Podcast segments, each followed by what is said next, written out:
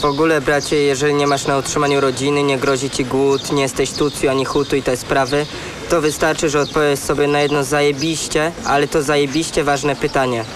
Co lubię w życiu robić? A potem zacznij to robić. Czy znacie odpowiedź na to pytanie? Niby proste, niby powinniśmy wiedzieć, co lubimy w życiu robić, a jednak zdarza się, że tej odpowiedzi nie umiemy znaleźć. Ja zawsze zazdrościłam ludziom, którzy wiedzą, co chcą w życiu robić, mają plan i go po prostu realizują. Łatwiej może by było, gdybym miała jakieś jasno określone umiejętności, jakieś talenty. Na przykład umiałabym ładnie rysować. Niestety nie umiem, rysuję pewnie gorzej niż niejeden pięciolatek, śpiewać też za specjalnie nie umiem, choć w sumie patrząc na dzisiejszy świat, to nawet nie jest to przeszkoda. Można na przykład zaśpiewać świąteczną piosenkę o karpiu, nagrać ją, no i oczywiście wrzucić na YouTube'a i wielka kariera stoi otworem, ale tutaj ważne jest to, żeby mieć duży biust i sporewe usta, no i w sumie dobry głos nie jest już potrzebny. Jednak mimo to chciałoby się mieć chociaż jeden jakiś konkretny talent, no chociaż jeden, coś takiego, co można w życiu wykorzystać. A gdyby dało się jeszcze na tym zarobić, no to już w ogóle byłoby super. Niestety, gdy Pan Bóg rozdawał talenty, ja najwyraźniej stałam w kolejce po pączki. Ale gdy byłam mała, to marzyło mi się, żeby zostać piosenkarką. Wyobrażałam sobie, że stoję na scenie, mam długą czerwoną sukienkę i śpiewam dla wielkiej publiczności. Jak już Wam mówiłam, no śpiewać ja to nie umiem za bardzo, a gdy próbuję, to zlatują się wszystkie okoliczne psy. No ale kto komu zabroni marzyć, zwłaszcza dziecku. Z takich dziecięcych marzeń, to miałam kiedyś też taki pomysł, żeby zostać nauczycielką. Wydawało mi się to super fajne zajęcie, też pewnie dlatego, że byłam takim kujonkiem i zapewne myślałam, że wszystkie dzieci, które będę uczyć, będą milutkie i grzeczniutkie. Ale tak patrząc na współczesną szkołę, to chyba dobrze, że nie poszłam tą drogą, bo w ogóle nie mam cierpliwości. Pewnie też nie umiałabym zapanować nad tymi dzieciakami i prosiłabym swoich rodziców, żeby mi wypisali zwolnienie, żebym mogła nie iść do roboty. Ja oczywiście wiem, że to tak nie działa, musiałabym popylać do pracy i pewnie prędko bym się nabawiła nerwicy. Dawno temu, gdzieś też zapewne w okolicach podstawówki, miałam też kilka innych, no takich dość dziwnych e, marzeń a propos mojego przyszłego zawodu. Chciałam na przykład pracować w zakładzie pogrzebowym i nawet prowadziłam praktykę w tym kierunku.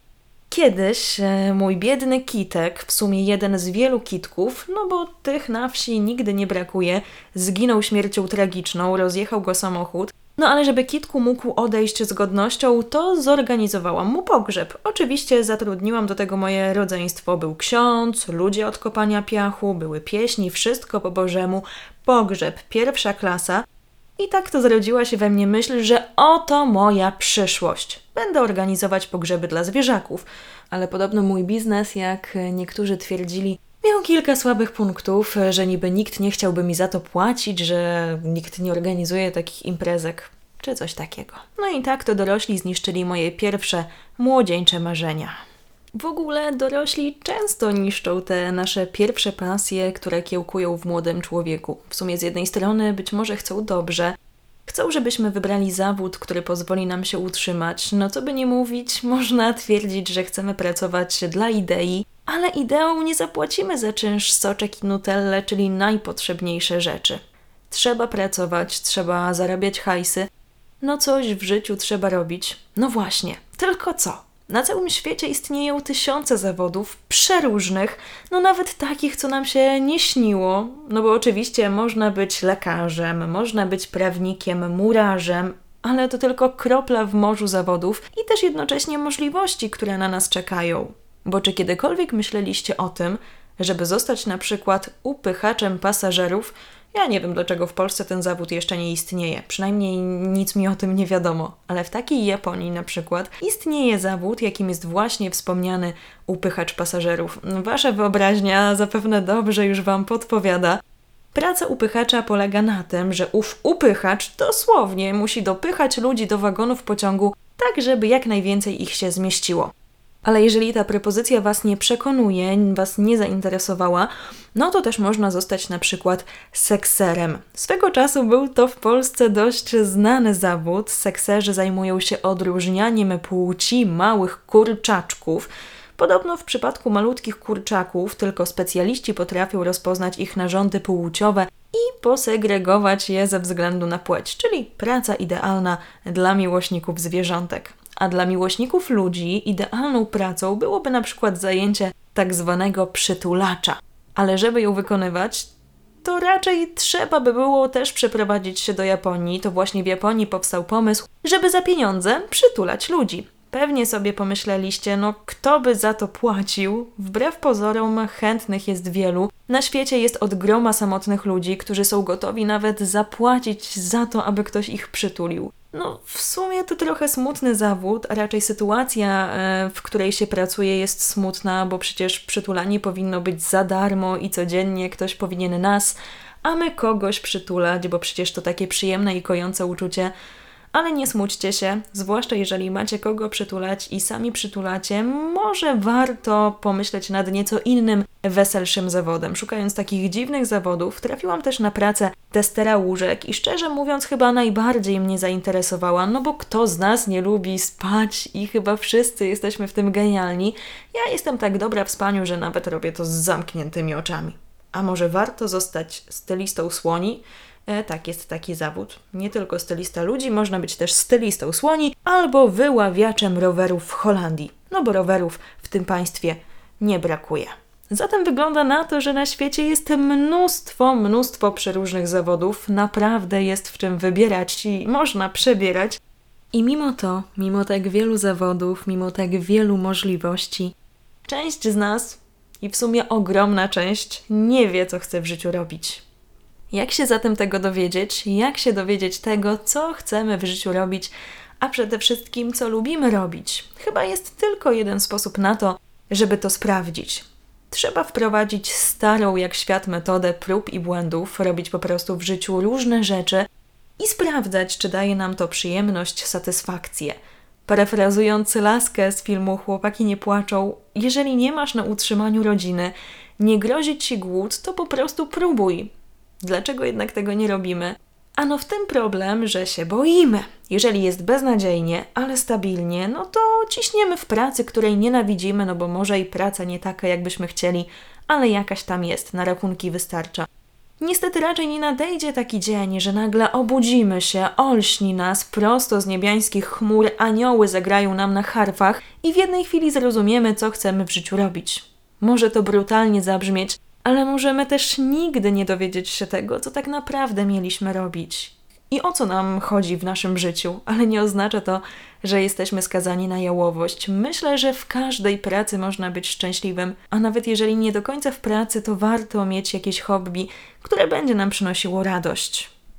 Pytanie, co chcesz w życiu robić, jest bardzo ważne i tutaj bez wątpienia zgadzam się z Laską, ale nie jest to proste pytanie. Czasem odpowiedzi szukamy przez całe życie i zdarza się, że jej nawet nie znajdujemy. Choć z drugiej strony, może na to pytanie tak naprawdę nie ma jednej dobrej odpowiedzi.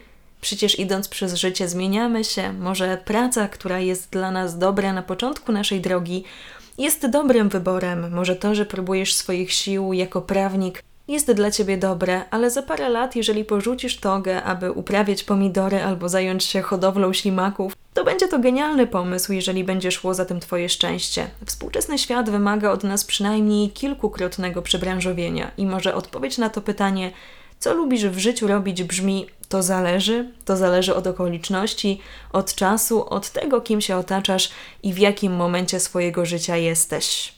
Fajnie by było wiedzieć, w czym jesteśmy najlepsi, co powinniśmy robić, co powinno być głównym naszym zajęciem w życiu. Miło by było, gdyby wraz z chwilą urodzenia gdzieś przy pępowinie ktoś przyczepiał karteczkę z adnotacją, kim powinniśmy zostać w przyszłości. No to by z pewnością wiele ułatwiało, oszczędzało czas, ale niestety nie ma na co liczyć, sami musimy się tego dowiedzieć. I w tych poszukiwaniach Możemy słuchać starszych osób, mądrzejszych, doświadczonych ludzi, ale nie powinniśmy zapominać, że to nasze życie, nasze zajęcie powinno być dobre dla nas, nam przynosić radość, a nie naszym rodzicom, babciom czy sąsiadom. Nie wybierajcie studiów, o których marzyli wasi rodzice. Nie jesteśmy przecież od tego, aby realizować czyjeś aspiracje, czyjeś marzenia. Jeżeli ktoś woli być kucharzem, a nie lekarzem, jak chcieliby rodzice, to zmuszanie do czegokolwiek jest najgłupszym pomysłem na świecie. Przecież lepiej, aby poszerzyło się grono doskonałych kucharzy, przynajmniej będzie większa konkurencja w Masterchefie i więcej osób nie będzie chciało oddać fartucha, no niż żeby powiększyło się grono lekarzy, którzy nie lubią tego, co robią.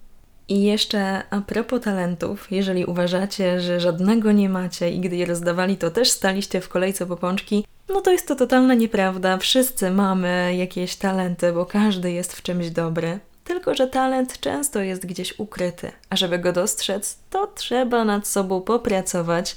Nierozwijany talent jest tyle wart, co zeszłoroczny śnieg. A ten sukces, choć ja nie lubię tego słowa, do którego wszyscy tak dążymy, to przede wszystkim ciężka praca.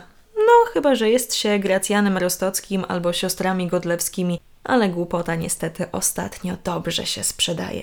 Ale myślę, że taki pseudosukces nie trwa wiecznie i też sukces nie powinien nam się kojarzyć jedynie ze światłem reflektorów, z byciem na okładkach gazet, bo sukces nie jest wtedy, gdy podziwia cię wielu ludzi i ganiają za tobą paparazzi.